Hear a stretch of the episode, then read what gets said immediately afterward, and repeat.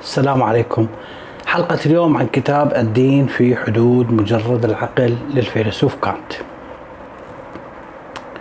هذا الكتاب للفيلسوف كانت يعني المختصر المفيد له إنه أراد للبشرية كلها أن تخرج من هذا الدين الطقوسي الشعائري إلى دين عقلي كوني. الخروج من هذا الدين الطقوسي اللي يحمل بعد تاريخي اللي ما يهم إلا فقط الطائفة المنتمية له أو الشعب الخاص به فقط إلى رحاب دين عقلي كوني لربما يكون صالح لكل شعوب العالم البشري. وحتى ما قبل ما أبدأ بشرح الكتاب يعني خل أذكر حادثة تاريخية. في فترة ما من العهد العباسي كانت هناك صراعات دموية مريرة بين المذاهب السنية الأربعة. لم أكن مخطئ الشافعي مع الحنفي. في آه، أحد المدن الإيرانية كانت حتى حروب يعني تذهب بها ضحايا بيناتهم. ما عدا التكفير. حتى أنه أحد الأئمة مو الأئمة الأربعة الثانويين اللي ينتمون لهذا المذهب عندما سألوه عن إذا قدر طعام سقطت به نجاسة فما هو الحكم؟ هو لربما كان حنفي فقال يعطى للشافعي يعني لهالدرجة والعكس صحيح. طبعا هاي موجودة بكتب التاريخ الشخص اللي يريد يكذبني خل ممكن يطلع عليها. هاي في بواكير تقريبا العصر العباسي الصراعات المريرة بين المذاهب الأربعة واللي هي كانت أكثر من أربعة. لكن تعال الآن. شوف. مو الآن بل في العصر العباسي المتأخر اتحدت هاي المذاهب الأربعة وأصبحت يعني تجاوزت كل خلافاتها. وهنا تحية لهاي المذاهب الأربعة اللي استطاعت أن تتوحد وأصبح اليوم لا يوجد أي فرق بين شافعي وحنفي وحنبلي ومالكي اطلاقا. فأصبح آه، يعني حتى التمييز بيناتها مثار لل للسخرية لربما الكل انطوت تحت المذهب السني. هنا كانت يعني وهنا السؤال هو هل انتهى المذهب الحنفي أو الحنبلي أو الشافعي أو المالكي؟ بالعكس موجود مذهب ولكن دخلوا في سمي تحالف مقدس سمي ائتلاف سمي مذهب عقلي. أصبحوا تجاوزوا كل خلافات الماضي وأصبحوا على هم ما هم عليه الآن. نفس الشيء اللي هذا اللي يدعو له الفيلسوف كانت. فبدل أن ضربت مثلا عن المذاهب الأربعة يدعو كانت جميع الأديان في الكرة الأرضية إلى أن تتوحد فيما بيناتها وتتخلى عن الكراهية والبغضاء والحروب والتكفير فيما بيناتها.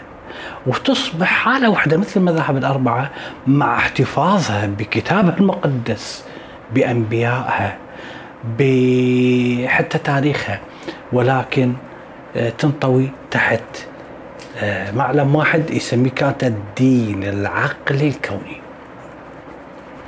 الفترة اللي كتب بها الفيلسوف كانت كتابة الدين في حدود مجرد العقل.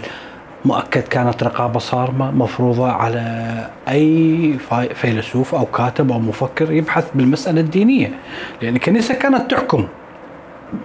والملك يعني آه، أيضا آه، يتبع توجيهات الكنيسة.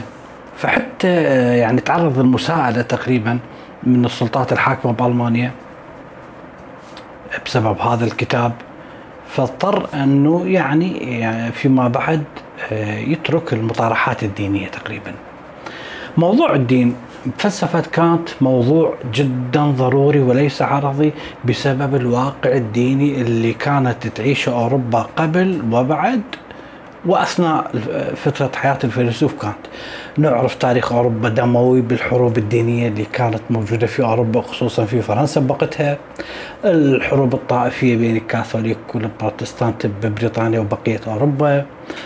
ما ننسى الحروب الصليبية اللي كانت بين الأتراك وال والدول الأوروبية.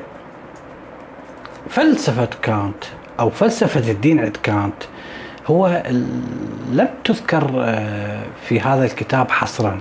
الدين في حدود مجرد العقل لكن سبقتها كتابات إلى في كتب النقدية نقد العقل الخالص. نقد العقل العملي بالتحديد نقد العقل العملي تطرق كثيرا لهذا الموضوع الديني وحتى نقد ملكة الحكم. لكن اهتمام كانت بهاي الكتب آه، العقل العملي العقل النظري ملكة الحكم انصب على البحث حول الله وليس على الدين على اعتبار أن الدين نظام عقائدي وسلوكي متكامل. فترك كانت السؤال اللي لم يستطيع أن يجيب عليه اللي ذكرناه بالحلقات السابقة على اعتبار أن الفلسفة غير قادرة على الإجابة عن موضوع خلود الروح بعد الموت عن موضوع الحرية هل الإنسان عنده حرية إرادة في أفعاله بالشر أو بالخير أم لا؟ هل الله موجود أم لا؟ وبدأ يتجه إلى مبحث الدين والأخلاق.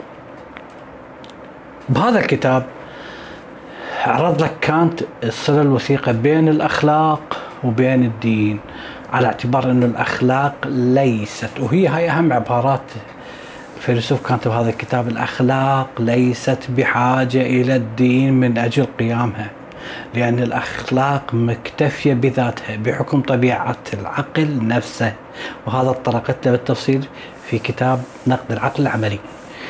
فلسفة الأخلاق عند كانت. صحيح القانون الأخلاقي يفترض وجود كائن أسمى اللي هو الله ولكن فكرة هذا الكائن الله صدرت من الأخلاق دون أن تكون الأخلاق هي الأصل في دون أن تكون هي الأصل في ظهور الأخلاق. يقول الفيلسوف كانت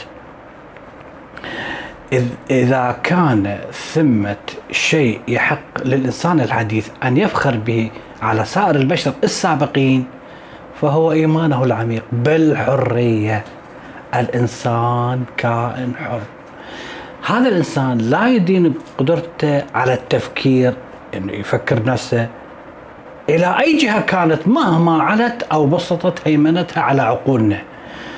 الإنسان هو حر بنفسه ويفكر بذاته. يقول كانت في عبارة أيضا مهمة إن دينا يعلن الحرب على العقل سيصبح مع مرور الزمن غير قادر على الصمود أمامه. وبالفعل يعني بعد آه، قرون آه، من وفاة كانت كل الأديان اللي تحدث العقل أصبحت آه، يا إما تطور نفسها يا إما تنتهي. كان يرى كانت أن الأخلاق بحكم طابعها الإنساني بحكم طابعها الكوني اللي اللي هي السمة المميزة للضمير الإنساني عند كل البشر لا تحتاج إلى دين. ما تحتاج إلى دين بل إن الأخلاق لها قيمومة ذاتية بذاتها. والعكس هو الصحيح يعني الدين هو اللي يحتاج إلى الأخلاق وليس الاخلاق هي اللي تحتاج إلى دين. يعني صحابي مثل عمار بن ياسر ما تغيرت أخلاقه كون راى الرسول محمد ونطق بشهادتين أمامه ابدا. اللي قام بعمار هو مجرد تغيير عقيدة دينية. ترك عبادة الأوثان وعبد رب محمد. هذا ما يعطي العمار سك غفران ولا تبشير بالجنة ولا عصمة ولا ولا ولا أي شيء. لأن عمار بن ياسر كان صاحب أخلاق وهو كان يعبد هبل هو كان عمره ست سنين عشر سنين كان رجل خلوق صاحب أخلاق. صاحب أخلاق هو يعبد هبل وصاحب أخلاق هو يعبد رب العالمين بينما مجرم مثل سمر بن جندب اللي أيضا رأى الرسول ونطق الشهادتين هذا رجل سيء الأخلاق بالجاهلية وسيء الأخلاق بال بالإسلام. رجل كان يرتكب مجازر ضد الناس فلا يمكن لأي عقيدة دينية أن تغير إعدادات البشر. البشر يبقى هو يعني عنده 17 غريزة الدين ما له علاقة بها. يقول الرسول محمد في تأكيد لفلسفة كانت خياركم في الجاهلية خياركم في الإسلام وشراركم في الجاهلية شراركم في الإسلام. بالضبط يعني نسخة طبق الأصل من فلسفة كانت. كانت كان يرى أن الأخلاق بحكم طابعها الإنساني والكوني ما تحتاج إلى دين. بل الدين هو اللي يحتاج إلى أخلاق فأنت تكون عندك أخلاق جيدة وتحتاج إلى دين وليس متدين والدين راح يخلي أخلاقك حسنة. بهذا الكتاب يتحدث كانت عن أمور مثلا يتحدث عن الشر الجذري بالطبيعة البشرية. يتحدث عن صراع مبدأ الخير مع مبدأ الشر من السيادة على الإنسان، يتحدث عن انتصار مبدأ الخير عن مبدأ الشر وتأسيس ملكوت الله على الأرض. يتحدث عن العبادة الصالحة والعبادة الباطلة تحت سيادة مبدأ الخير أو في الدين والكهنوت. يقول كانت إن العالم خبيث ولا يطمئن له. هي شكوى قديمة قدم التأريخ. ثم يقول العالم يبدأ بالخير بالعصر الذهبي. بالحياة في الفردوس صحبة جماعة من الكائنات السماوية. لكن هذا النعيم سرعان ما يأفل نجمه ويتبدد ليعجل بالسقوط في براثن الشر بحكم أن التاريخ الطبيعي ابتدأ بالخير لأنها من صنع الله. التاريخ الطبيعي من صنع الله. بينما تاريخ الحرية بدأ بالشر. لماذا؟ لأنه من عمل الإنسان. فاعتبر بذلك الفيلسوف كانت أن التجذر أو تجذرية الشر في الإنسان المبطونة في كوامنا هي من باب النومين. الشيء في ذاته الجوهر اللي ما نعرف عنه شيء. هذا الشر يوجد في جوهر الطبيعة البشرية وليس شيء عرضي عنها. هنا يتفق الفيلسوف توماس هوبز مع من؟ العفو هنا يتفق الفيلسوف كانت مع الفيلسوف توماس هوبز. توماس هوبز اللي كان يقول إن الإنسان شريرا بطبعه. لكن هذا الشر بكل جذوره تجذريته لا يدان له بتخريب الخير اللي هو الإرادة الخيرة.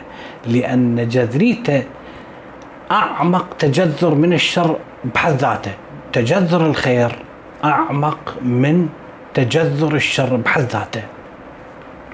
فهنا يطرح سؤال هل الإنسان شرير بالفطرة؟ يقول كانت نعم نعم إن الشر جذري فينا لأنه جزء من طبيعتنا كبشر. ولكنه دائما هذا الشر مردوف دوما بالحرية أي لا وجود لشر أخلاقي من دون الحرية. فالحرية هي اللي تخرج إمكان الخير والشر بالإنسان إلى الفعل. موجود بداخلك أو موجود عندك ملكة الحرية. هاي الحرية عن طريقها ممكن أن نشاهد أعمال الخير اللي بيك وأعمال اللي شر الموجودة بك عن طريق الحرية. فالشر يحمل طابع نزوعي ولكن الخير يحمل طابع استعدادي. يأكد الفيلسوف كانت أنه من المحال أن يمزج الإنسان بين الخيرية والشرية في نفس الوقت فهو أما أن يكون خير أو يكون شرير. إذا الشرية حسب كانت ليس خبثا في الإنسان بل هو متمخض عن الحيوانية اللي موجودة داخل الإنسان. هذا الإنسان اللي ينجر هو الآخر عن الاستعمالات المبالغ بها الإرادة الحرة بدل أن يستخدمها بالخير يستخدمها بالشر. هاي الإرادة الحرة اللي موجودة داخل الإنسان. يقول كانت إن من أجل أن يصبح المرء إنسانا خيرا في أخلاقه لا يكفي أن يضع بذرة الخير الكامنة في جنسه أو في جسمه تنمو بلا عائق بل عليه أن يصارع علة الشر التي توجد فيه. هذا الشر المتجذر بالإنسان لا يد له بالقضاء عليه أبدا لكن الأفضل بالنسبة للإنسان أن يدينه ويقمعه كما يجب على الإنسان أن يأخذ بالحسبان مرارة ما يجلبه عليه الشر مشكلة الشر على الإنسان أن ينفلت من التناقضات اللي تلف أخلاقه. أخلاق الإنسان اللي في أغلبها تكون مترنحة بين الخير والشر. الخير كاستعداد والشر كنزوع. هاي المقدرة ممكن للإنسان أن يسلكها عن طريق من؟ عن طريق الرجوع إلى الإرادة الخيرة. لأن الشر لا يستطيع أن يفسدها ويخربها. صحيح مثل ما قال الفيلسوف كانت أن الشر جذري ويحطم الاستعداد للخير بداخلنا لكن هذا الشر لا يستطيع أن يستأصل الحرية أبدا. لذلك على الإنسان حسب الفيلسوف كانت أن يجدد الاستعداد للخير بالنفس البشرية. لكن هذا الخلق المتجدد يجب أن لا يستند بسماحة السماء والمدد الإلهي. كانت يقول يقول أو يأكد على ضرورة أن لا بأس ننهل من اللاهوت لكن يبقى الاعتماد على النفس. الاعتماد على النفس هو الأهم. فالإنسان بحكم طبيعته الخلقية يسعى دوما بل مطالب أن يكون الأفضل. الخلاصة أن الشر أمر ممكن باعتباره محدد بالإرادة الحرة. ما هي الإرادة الحرة؟ الإرادة الحرة تعرف كخير أو شر عن طريق القواعد الأخلاقية. فالنزوع إلى الشر هو الأساس الذاتي لإمكانية الانحراف انحراف عن القانون الأخلاقي. فقدرة هاي الإرادة الحرة أو عدم قدرتها بأن تأخذ أو لا تأخذ بالقانون الأخلاقي ينبثق عنه هذا النزوع. هذا النزوع للشر إلى ثلاث مستويات حسب الفيلسوف كانت. ما هي مستويات النزوع للشر؟ المستوى الأول كامن أو السبب في ضعف قلب الإنسان. المستوى الثاني في خلط الدوافع الأخلاقية بالدوافع الأخلاقية. المستوى الثالث كامل في النزوع إلى تبني الشر وإهمال قواعد القانون الأخلاقي. وبهذا راح يكون الإنسان شرير لما يعكس النظام الخلقي للنزوع اللي يتبناه هو بقاعدته وبهذا لا يوجد في النزوع الطبيعي نزوع للشر الأخلاقي لأن النزوع للشر ينبثق عن من؟ ينبثق عن الحرية وكذلك الخير ولا ولا يقتدر الكائن البشري أن يتغلب على نزيع نزوعيته للشر إلا عن طريق ثورة عقلية داخلية عن طريق الوعي حتى يصبح إنسان جديد. هاي الثورة الداخلية اللي داخل عقله راح تصبح نوعا من إعادة الإحياء إعادة الخلق حتى يصبح الخير حاضر في داخل هذا الإنسان عندما يقوم بهجران مبدأ الشرية. وهنا يتكلم الفيلسوف كانت عن دين طقوسي وعن دين أخلاقي. فيرى إن العقل البشري اللي هذا العقل منحاه كوني ولا يخص طائفة أو دين أو قومية يسعى دائما إلى التمييز بين دين طقوسي مصلحي أناني يقوم على فقط إقامة صلوات وابتهالات وطقوس ومظهريات بالصوامع بالدور العبادة بال وبين دين أخلاقي دين يتجسد بالأعمال الصالحة. الأعمال الطيبة الأعمال الحسنة. دين ما ينتظر من الإله أن يريد طريق مرضاته أبدا بل هذا الإنسان يكون بسلوكيته بأخلاقيته بسيرته الحسنة أهلا لأن يعينه الله ويخلصه. فهناك إيمان وثوقي قطعي تزمتي أصحابه يجزمون بالقطعية أنهم هم عندهم الحقيقة المطلقة والبقية كلهم على باطل. وهذا الدين لا يعرف إلا صفوة من الخلص من رجال الدين. وبين دين مفكر عاقل لا يؤمن بالخوارق حتى الناس يؤمنون به. ولا يستعين بأي طاقات غيبية ما ورائية. هاي الطاقات الماورائية اللي تستهين بالعقل البشري. حتى يفرض سطوته عليهم ولا دين يدعي العمق بخباياه وهاي الأمور الميتافيزيقية اللي لا أحد يعرفها إلا هو. دين ما يعرف إلا الحماسة ويؤمن لك بالمعجزات يؤمن لك بالخوارق ويؤمن بالألطاف الروحية الفياضة الإلهية اللي تنبجس عنها الرحمات ويكشف عنها المستور من الحجب. وينير القلب بالأسرار الملكوتية والعرفانية والصوفية؟ ابدا ما يؤمن بهالشيء لكن آه، كانت يدعو إلى دين آخر. يدعو إلى الدين اللي يفضل الفكر والعقل واللي يجعل الإنسان يعرف نفسه بنفسه. يقول الإمام علي من عرف نفسه فقد عرف ربه. دين حر. ما ينتظر معونه من الملائكة من خوارق من أناس مقدسين أمور خارج الميتافيزيق خارج الفيزياء لا. دين أخلاقي ليس مأمور به من لدن أي سلطة قيدية لا بأسرار ولا طقوس زائدة عن الحاجة ولا معجزات. يقول كانت ليست له سجلات أو مزامير داوود ولا كتب مقدسة ولا ألواح موسى. لا يخضع لسلطة الأحبار والكهنة ورجال اللاهوت والقساوسة والرهبان. لعد ماذا هذا الدين يا كانت؟ يقول إنه دين أخلاقي بامتياز مؤسس على الأخلاق الفاضلة.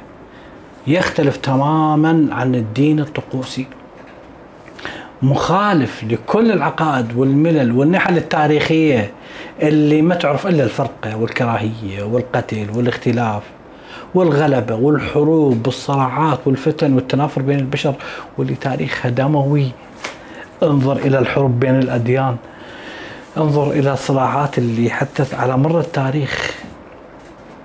تأسيس الإيمان على الأخلاق يجعل علاقة الله بالبشر علاقة أخلاقية.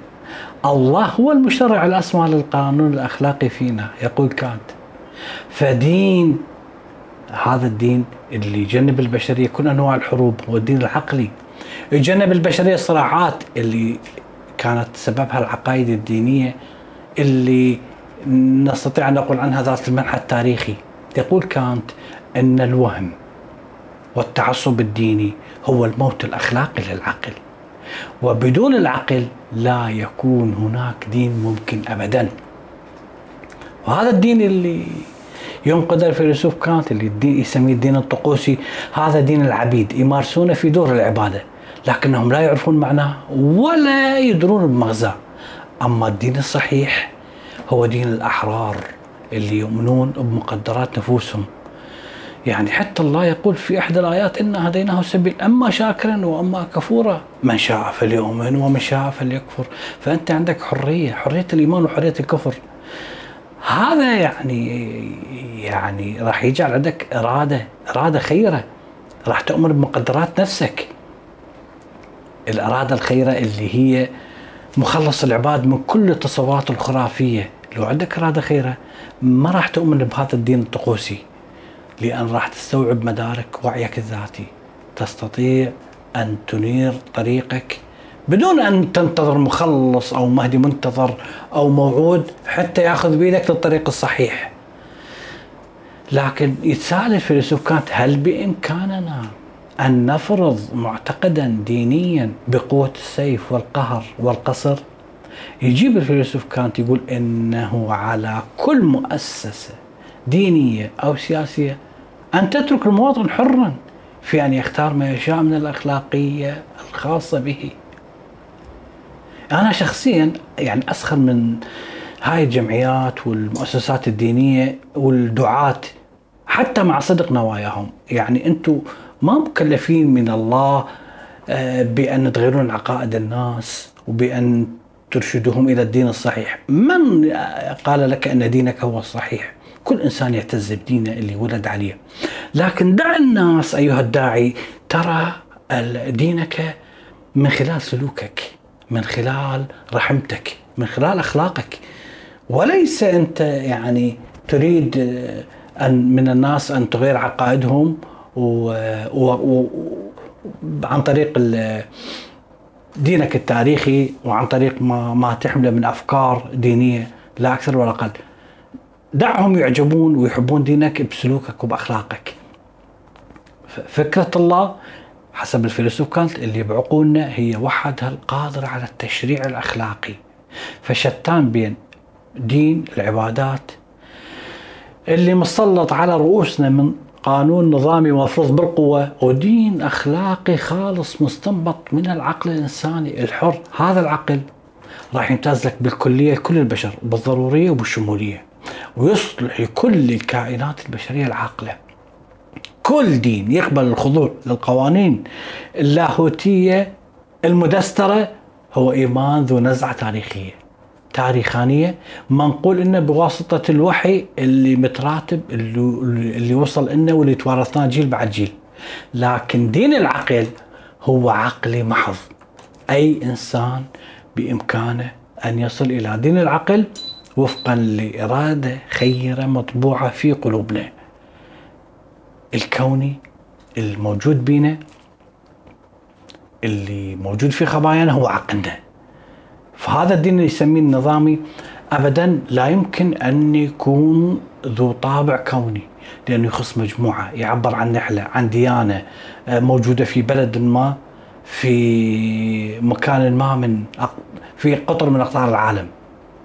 لكن فقط عندما نعود للعقل البشري المجرد راح نقدر وقتها على أن ندعو الإنسان إلى أن يخرج من إيمان الطقوسي إلى إيمان عقلي. يتشكل بجماعة أخلاقية شاملة وكونية. هذا اللي يتكلم عنه كانت ويقول إنه آه، النقوش الموجودة في الألواح وبالكنائس إن الله يأمرك فأطع كما تؤمر. يقول هاي الصرامة اللاهوتية الرهبانية لا تبالي بتاتا بالقانون الأخلاقي اللي موجود بينا. فكانت ياكد على إنه يجب أن نربي الإنسانية اللي تقوم مقام أنفسنا منا على الدين الواحد الموحد. وليست أديان كثيرة ملل ونحل وعقائد. فكل من يدعي كونه متدين هو بالحقيقة يا إما رجل دين لقريه أو مدينة أو طائفة أو بؤرة معينة من العالم، لكن هذا رجل الدين لن يجرؤ على القول بأنه كائن متخلق، فقط الدين العقلي هو اللي يقدر على ذلك. فالمعتقد الديني النظامي الدين الطقوسي هو اللي يصنف لك يصنف الناس إلى صنفين كفار ومؤمنين. هذا اللي يطلق عليه كانت بالاستعداد الديني الأخلاقي اللي موجود في صلب العقل البشري. لكن هذا ما يعني إنه هذا الإيمان العقلي الحر اللي يتحدث عنه الفيلسوف كانت يرفض ويتنكر العقائد والملل وكتبها المقدسة ابدا وإنما كونه ما يحتاج إلى شعائر حتى يقنع به رجال الدين. يأكد كانت إنه الدين النظامي قائم في قاعدته على المجاز تتلبس به مصطلحات رحمة بدل النعمة خدمة بدل العبادة لأنه ليس أتباعه ليسوا أحرار. فيتحدث عن الإيمان الحر فيقول إن أجل قيمة في الإيمان الحر هي كونه ما يسعى إلا ابتغاء ذاته وأن الإنسان عندما يؤمن بحرية هو يعمد لتغيير حياته ويجددها حتى يقوم بواجبه الأخلاقي على أكمل وجه. فالعقل وحده هو القادر على تحريرنا من أي شعور بالخطيئة والإثم وليس الرجل الدين والكاهن والقس وغيرها. فهذا عندما نسلك سلوك حسن وفق للإرادة الخيرة راح نصبح راح نصبح كائن عاقل يحترم عقله ويحترم إرادته الحرة. فالإنسانية اللي ترضي الإله الأعظم هي اللي تبحث عن الخلاص بنفسها. أخلاقك الحسنة السيرة الحسنة هي الكفيلة بأن تجعل الله يرضى عنها ويرضى عنك. لكن السؤال هو كيف يتأتى للإنسان أن يشرع لنفسه؟ كيف يقول كانت أن الله يشرع فينا. وهذا بما نحمله من قوة عقلية. هاي القوة العقلية قادرة على التشريع نفسها ومتى ما وصل الإنسان إلى الحرية طبعا راح يتمكن من بلوغ مرتبة الإيمان العقلي الكوني. يعني بالضبط يقول الإمام علي العقل رسول الحق. يعني أنت يا أيها المسلم على سبيل المثال إذا عندك محمد هو الرسول وعندك العقل أيضا رسول. فإذا قرأت حديث يسيء للرسول أو يسيء للدين الإسلامي ككل عقلك أيضا رسول فتستطيع أن ترفض هذا الحديث اللي اللي يتنافى مع العقل. بالتالي راح تعرف أنه رب العالمين اللي غرز هذا العقل بالتساوي لكل البشر ممكن أن يتحول إلى دين كوني كما يقول كانت. ويضرب هنا الفيلسوف كانت بالأمثلة عن الدين النظامي يتحدث عن الديانة اليهودية على سبيل المثال، الديانة اليهودية حسب الفيلسوف كانت اختزلت لك الجنس البشري كله بنفسهم كشعب الله المختار، هم فقط هؤلاء ال 20 مليون شخص شعب الله المختار والبقية كلهم يعني ليس لهم من الأمر شيء. مع ذلك الفيلسوف كانت يشيد بالمسيحية كونها عكس اليهودية. قدرت أن تستوعب الطابع الكوني بالدين عن طريق الكنيسة الكونية. فأصبح الدين الخلق المحض آه، عند الكنيسة بديل عن الدين الطقوسي النظامي عند اليهودية مثلا. لماذا؟ لأن بإمكان أي إنسان أن ينتسب إليه عكس الديانة اليهودية اللي فقط آه، احتكرت الديانة اليهودية لهم. الدين النظامي يحتاج إلى توثيق تاريخي.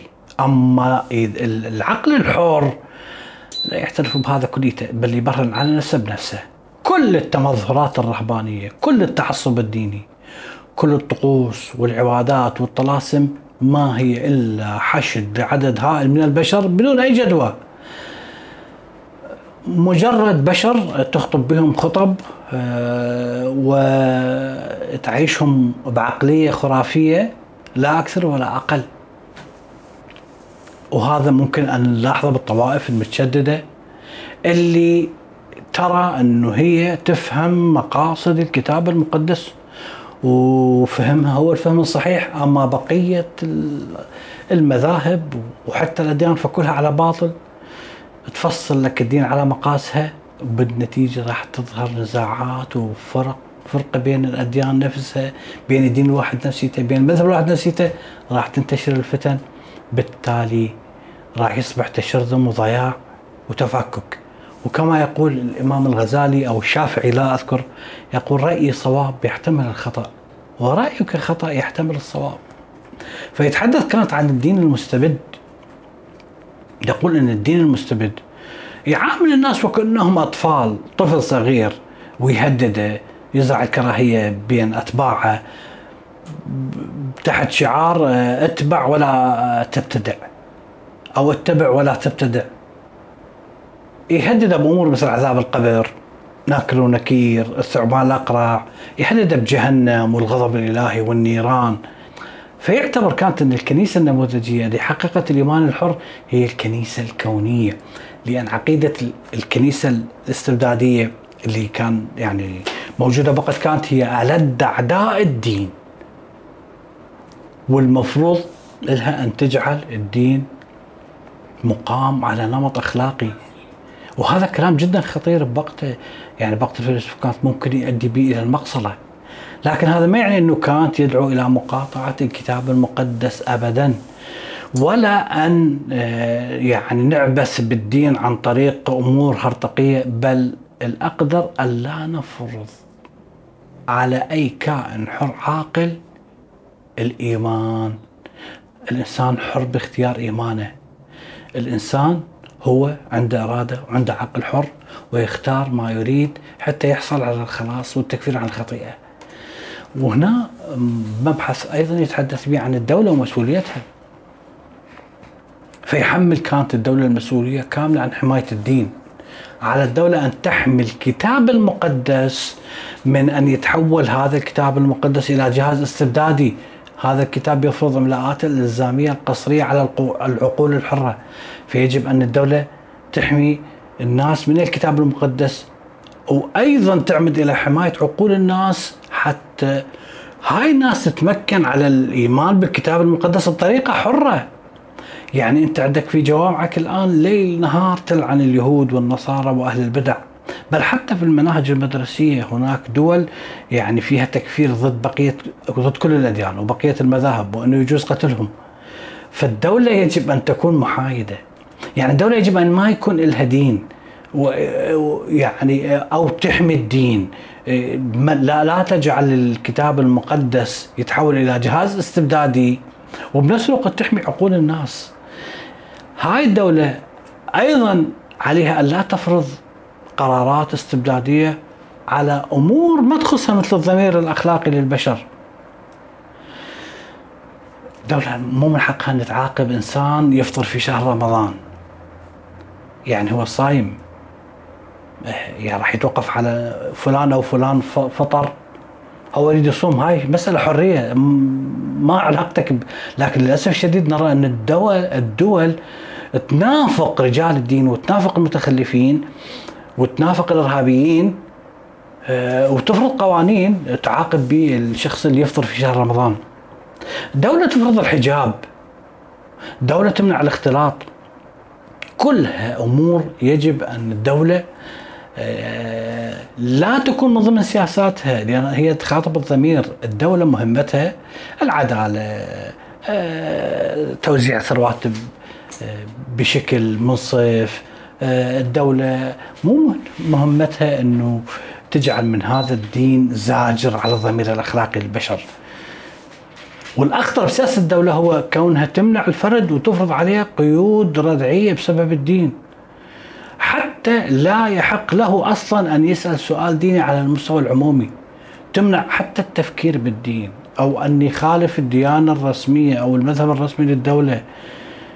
أو ينتقد رجل دين أو يكتب منشور في الفيسبوك يعني يعترض على أمور أو يتساءل عن أمور. الدولة تعتقله. هاي مو من مسؤولية الدولة. زين؟ لأن الحرية متجذرة بعقل الإنسان.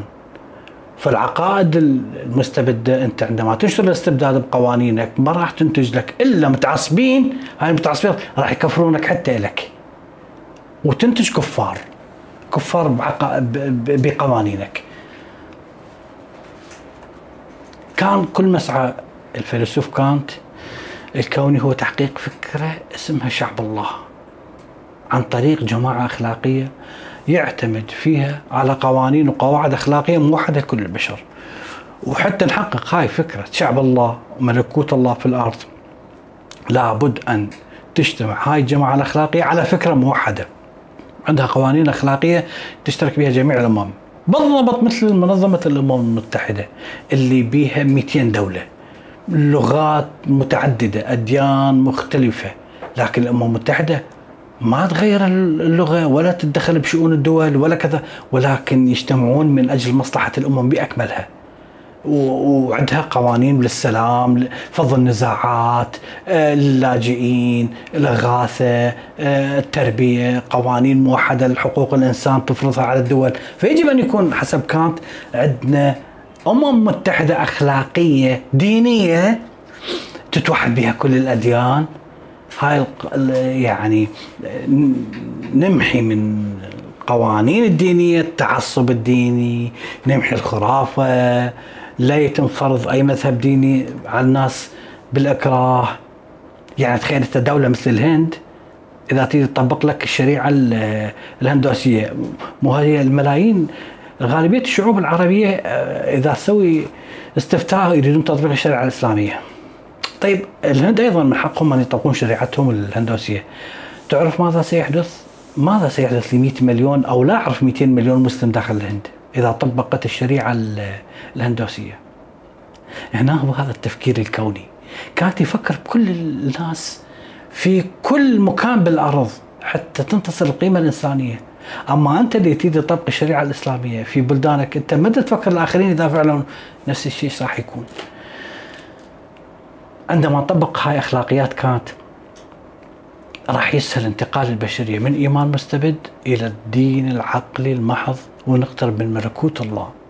يقترح الفيلسوف كانت طريقة أخلاقية صاعدة في قراءة الكتاب المقدس. كيف؟ يقول أن نسرد العظات الموجودة بالكتاب المقدس وليس أن نفرضها على الناس بل من أجل تهذيب وإيقاظ الضمير الأخلاقي الحر الموجود داخل الناس. دين نحكي للناس حتى نساعدهم على التحرر من الخرافة حتى نجعلهم يعرفون اللي بضمائرهم الخير الموجود حتى يستطيعون أن يصلون إلى الإيمان الحر. راح تتحول الصلوات والابتهالات وتطهر ضمائرهم. راح ي... الوعظ الطقوسي راح ينتهي راح تصبح صلوات عمومية راح تكتسي صبغة عمومية. سينتهي الدين الطقوسي. وراح تتحول إلى دين حقاني. الممارسة الحرة الكونية هي اللي راح توصل للمقدس الإله بداخلنا. عندها راح نقيم ملكوت الرب بقلوبنا الطاهرة النقية. الإيمان العميق راح هو اللي يكون المسيطر. وبالتالي يجب أن لا تمارس معتقداتك الدينية بتطرف ومغالاة بل أن تعمد للتفكير أو التفكر في الدين على نحو كوني أن تعامل الناس بما هم بشر وليس على أساس ديني. نتقاسم إحنا البشر نقاوة ضمائرنا. دين يستوعب الكل كل الناس. هذا العقل الكوني بدون أن تستثني أي أحد من العالمين.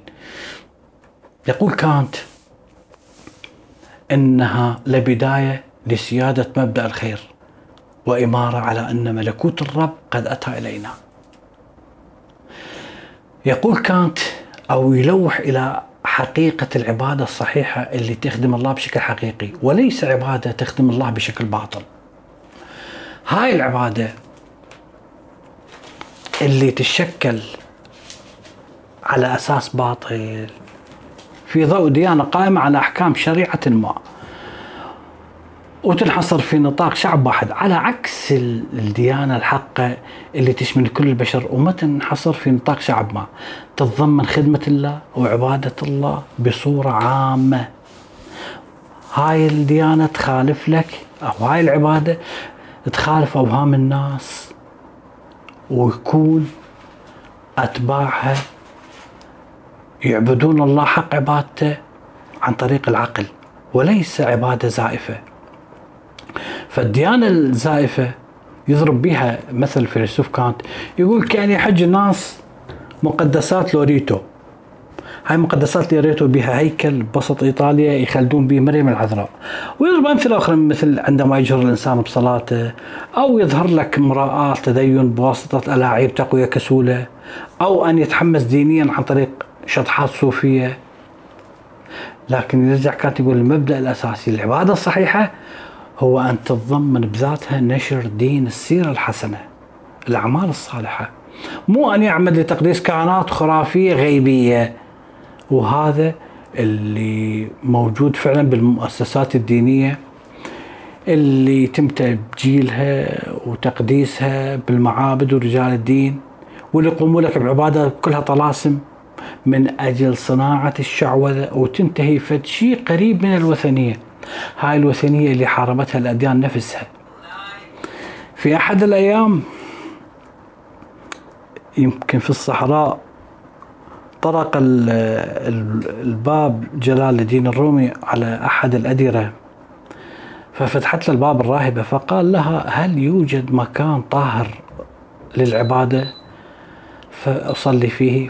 فقالت له طهر قلبك وصلي حيث شئت. فالعبادة الأخلاقية الحقيقية لله اللي ينبغي على المؤمنين أن يأدوها. على اعتبارهم رعاية ينتمون إلى ملكوته. عبادة القلوب. عبادة النوايا النقية اللي تصدر من قوانين الحرية. هاي النوايا اللي نذرت نفسها إلى ملكوت الله الراسخة والصلبة. عبادة حقيقية صادقة. تعبر عن نية حقيقية. نية مليئة بالخير. هاي النية الموجودة بوجداننا اللي هي صلاة حقيقية خاصة. فمثلا يتكلم كانت يقول الصلاة من حيث هي عبادة باطنية شكلية لله وهي نعمة من الله علينا. هي بالحقيقة وهم ناجم عن إيمان بالخرافات والطلاسم. هاي الصلاة الزائفة لكن الصلاة الحقانية اللي نتجلف بها بالنية اللي صاحب كل أفعالنا. صلاة مع أفعال. يتحدث عن روح الصلاة اللي توجد بداخلنا بدون انقطاع. ليس في وقت محدد. ليست مجرد ألفاظ وكلمات معينة. يقول كانت إنها إخلاص إنها نية حقانية. هي الضمير الأخلاقي. اللي موجود داخل البشر واللي كفيل بهداية البشرية إلى مسائل الإيمان. آخر شيء تحدث الفيلسوف كانت بكتابه عن الكافر والمؤمن فيقول أن الكافر هو مؤمن مختلف عنا. الكافر هو مؤمن مختلف عنا. أنت عندما تطلق على هندوسي أو بوذي أو مسيحي أو يهودي لقب كافر هو هم يطلق عليك لقب كافر أيها المسلم. وبالتالي كلكم كفار وكلكم مؤمنين. كل البشر كفار وكلهم مؤمنين. حتى الإنسان اللي لا يؤمن بدين هو مؤمن بشيء ما مؤمن بالمادة مؤمن بالعلم مؤمن بالشيوعية. فلا يوجد إنسان كافر. الكل مؤمنين ولكن إيماني يختلف عن إيمانك. وشكرا لكم.